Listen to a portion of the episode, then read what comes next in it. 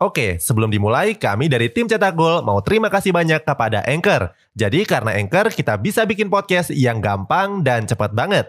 Mulai dari edit sampai share dan publish di banyak platform. Mulai dari Spotify, Apple Podcast, sampai platform podcast lainnya. Aplikasi Anchor ini gratis, bisa di-download di App Store dan Play Store, atau kamu juga bisa akses di website www.anchor.fm.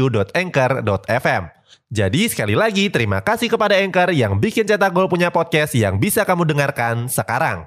Matteo Flamini mungkin gak punya karir sepak bola yang mentereng seperti Cristiano Ronaldo dan Lionel Messi. Akan tetapi karirnya secara bisnis jauh melampaui dua mega bintang tersebut. Flamini bahkan dicap sebagai pesepak bola terkaya di dunia saat ini. Cetak Gol coba merangkumnya sebagai berikut.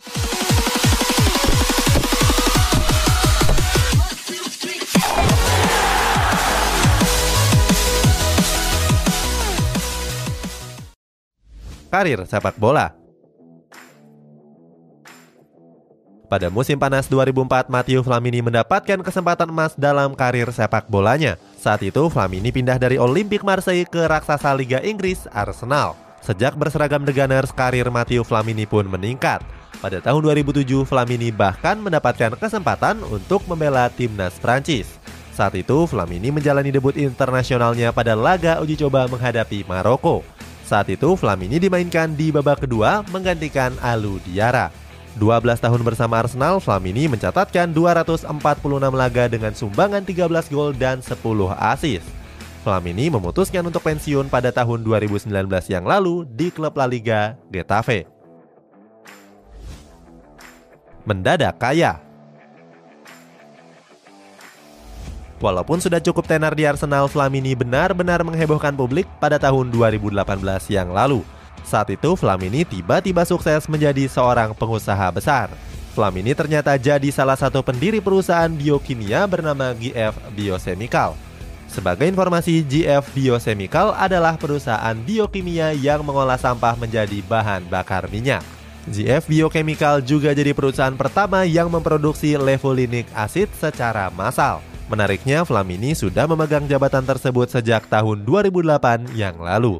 Artinya, Matteo Flamini menjalankan perusahaannya sembari merumput bersama sejumlah klub. Majalah Forbes menyebut kalau kekayaan Flamini menyentuh angka 206 triliun rupiah. Kekayaan ini jauh melampaui dua mega bintang yakni Cristiano Ronaldo dan Lionel Messi. Ronaldo sendiri mencatatkan kekayaan 8 triliun sementara Messi 3 triliun saja. Sekali lagi kekayaan Flamini menyentuh angka 206 triliun rupiah. Oke, sebelum dilanjut, ada yang penasaran nggak? Gimana caranya bikin dan nyebarin podcast yang kayak gini?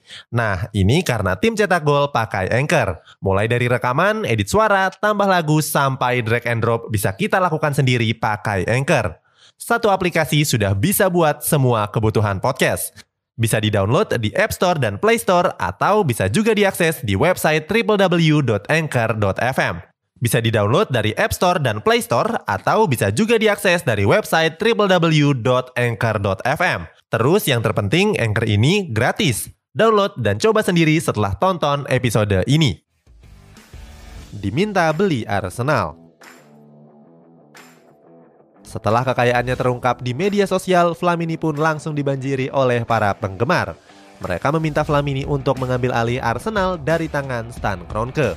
Permintaan ini terbilang wajar mengingat Flamini punya harta yang berlimpah. Kekayaan Flamini bahkan masih dua kali lipat lebih besar dari harta dari Kroenke. Setelah beberapa waktu, Flamini pun angkat bicara terkait rumor akuisisi tersebut. Flamini menyebut kalau dia enggan terlibat dalam sepak bola setelah pensiun sebagai pemain. Walaupun begitu, Flamini nggak menampik kalau sepak bola adalah bagian dari hidupnya.